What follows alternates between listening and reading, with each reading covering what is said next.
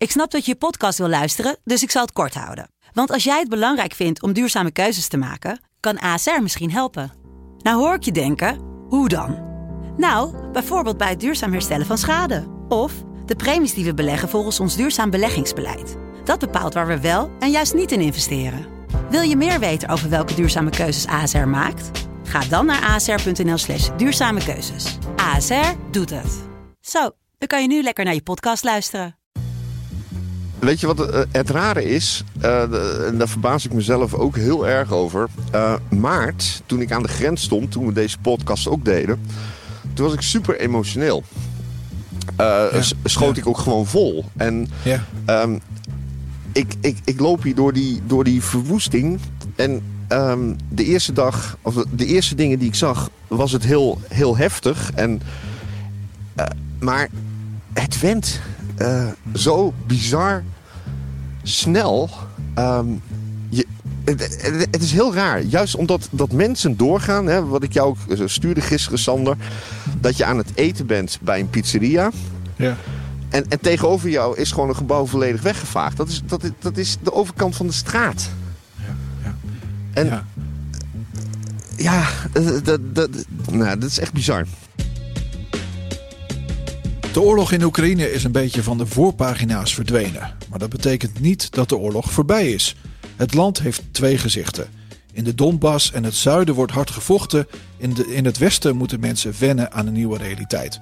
Mijn naam is Sander Warmerdam, hoofdredacteur van de LC. En ik spreek vandaag met de verslaggever Patrick van het Haar. Die is op dit moment in Irpin, vlakbij de hoofdstad Kiev. Patrick, hoe was je reis daar naartoe? Bijzonder. Um, in maart ben ik voor de Leeuwardenkrant richting de grens gegaan om verslag te doen van de op dat moment uh, net op gang gekomen vluchtelingenstroom uit Oekraïne naar Polen en andere landen in het westen.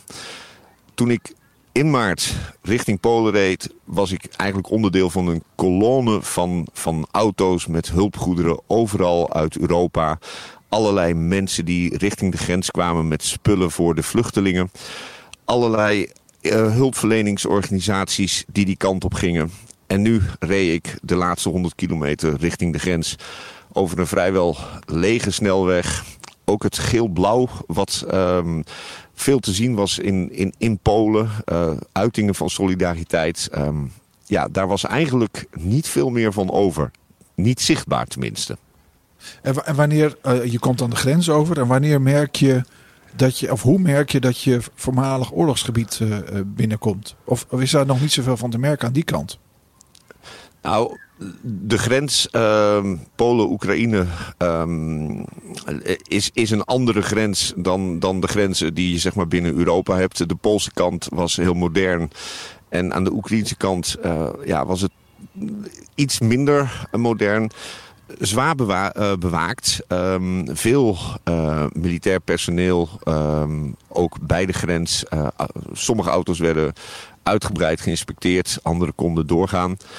En op het moment dat je dan Oekraïne zelf inrijdt, dus helemaal aan de uiterste westkant van het land...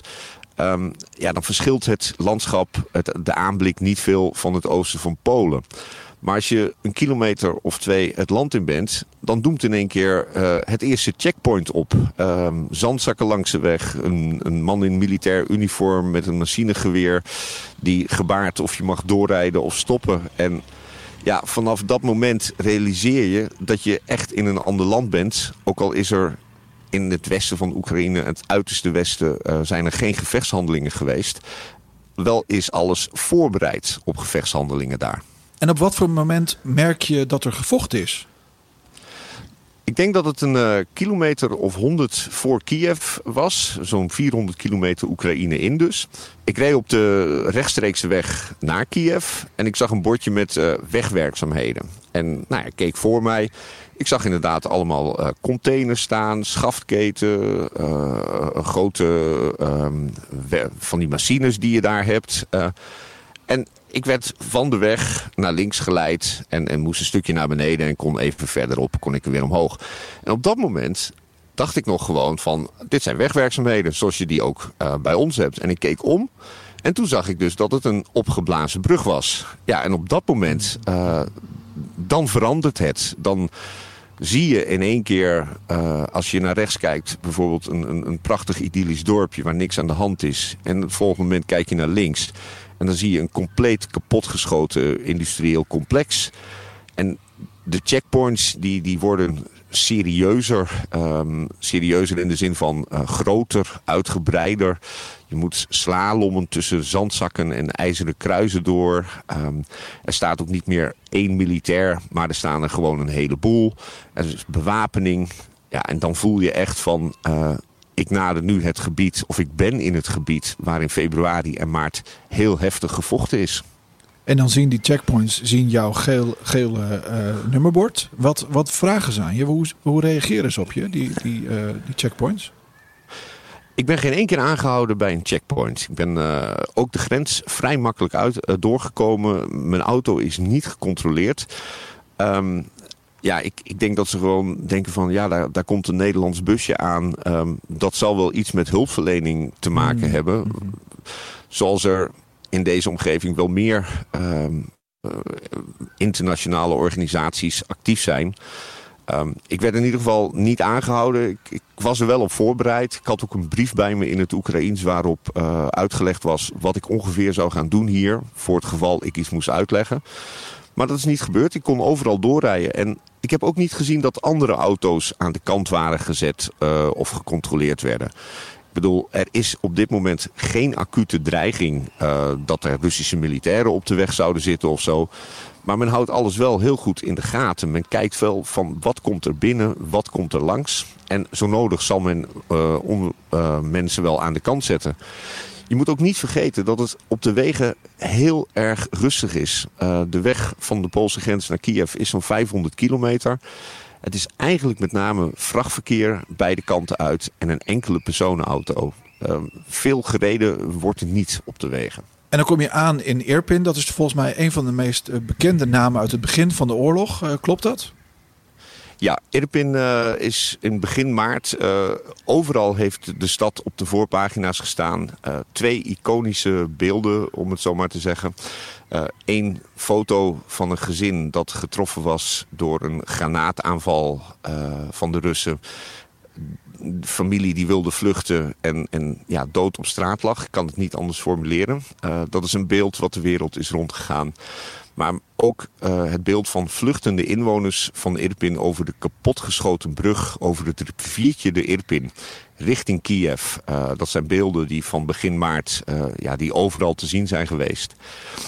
En die ook wel tekenend zijn voor het enorme geweld wat hier in deze stad, maar ook in het nabijgelegen Bucha heeft plaatsgevonden.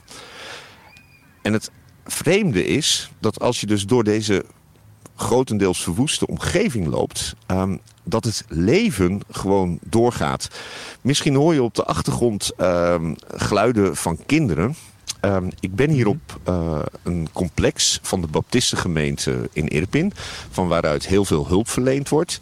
En recht tegenover mij staat een groep kinderen op een sportveld uh, onder begeleiding uh, ja, buiten te spelen. Ja. Als je hier over straat loopt, zie je mensen gewoon ook hun boodschappen doen. Uh, mensen gaan ook uit eten. Het leven gaat door tussen de verwoesting in. Ik kan wel, als ik nu om me heen kijk, zie ik rechts spelende kinderen. Ik zie een sportveld. Ik zie voor mij uh, prachtige bomen. Het is een beetje een parkachtige omgeving. Maar kijk ik naar links, dan zie ik op 20 meter een nieuw appartementencomplex... waar één appartement volledig verwoest is uh, door een schot van een tank... en alle ramen kapot zijn. En dat is aan de goede kant van de stad. De kant uh, waar de minste verwoestingen hebben plaatsgevonden. Loop ik 200 meter, dan sta ik tegenover een flatgebouw van 10, 14 verdiepingen... wat volledig kapotgeschoten is, uitgebrand, verwoest. Hm. En wat doet dat met het gemoed van mensen? Hoe pak je in dat soort omgevingen je, je, je leven zo goed als gaat weer op? Dat is een vraag die ik me vooraf ook stelde. En dat is een vraag waar ik eigenlijk niet echt een antwoord op, op krijg. Mensen gaan gewoon door. En dat, dat is wat ik merk. Als ik de vraag stel van ja, hoe doe je dat? Dan krijg ik een, een, een vragende blik terug. Zo van ja, um, hoe doe je dat? je kunt niet anders dan doen wat je doet. Ehm, alles is stuk, maar het leven gaat door. En dus leven de mensen door en doen ze de dingen die ze moeten doen of die ze willen doen. Voor de een is dat makkelijker dan voor de ander. Het maakt nogal een verschil alsof je, uh, als alles wat je hebt kapot is. Of dat je er eh, redelijk ongeschonden doorheen gekomen bent. Uh, het, loopt hier nu richting 12 op, op vrijdagochtend. En de eerste mensen verzamelen zich weer om voedselpakketten af te halen. Dat is dus een groep mensen die waarschijnlijk niets meer heeft, of in ieder geval te weinig heeft, om zelf maaltijden te kunnen kopen. Aan de andere kant zijn er restaurants waar mensen eten. En dat is allemaal heel dicht bij elkaar. En jij sprak een, een moeder uh, van een jaar of uh, eind 70 volgens mij, die ook vertelde dat haar zoon naar het front is gestuurd. Hoe, hoe ging dat verhaal? Wat, wat was haar verhaal? Dat is het verhaal wat zaterdag in de Leeuwardenkrant en het Dagblad van het Noorden zal verschijnen. Um, uh, het is een 78-jarige vrouw die mij hier aansprak en met wie ik in gesprek raakte. En een, een, hele kleine, maar ontzettend krachtige vrouw die, die vertelde dat op het moment dat de oorlog begon, ze het eerst niet door had. Haar zoon wilde naar het werk gaan. En toen zette ze de televisie aan en bleek het oorlog te zijn. Diezelfde dag ging haar zoon uh, ja, het leger in. En bleef zij hier uh, achter. Ja, en, en dan geeft ze aan van ja, um, het is moeilijk om je zoon te laten gaan. Maar ik huil niet. Ik vertrouw erop dat alles goed komt. En dat zijn antwoorden die ik hier vaker krijg te horen. Vertrouwen dat alles goed komt en accepteren wat er gebeurt. En wat betekent dat voor hoe, hoe, hoe lang is de horizon van mensen dan? Is het, is het een week? Is het een half jaar? Durven ze een jaar vooruit te kijken? Of zijn ze daar helemaal niet mee bezig? Ik heb niet het idee dat men daarmee bezig is. Ik sprak gisteren met een uh, jongen van een jaar of 27... Um, die, die hier vrijwilligerswerk doet bij het uitdelen van voedsel. Um, en ik, ik, sprak met hem over de, de vele uh, ramen die kapot zijn, hè, waar plastic voor hangt. Terwijl ik wel uh, glazenzettersbedrijven zie rondrijden. En ik vroeg me af, is het nou te duur om je ramen te laten repareren? Of het is een schaarste aan glas, wat ik me goed kan voorstellen.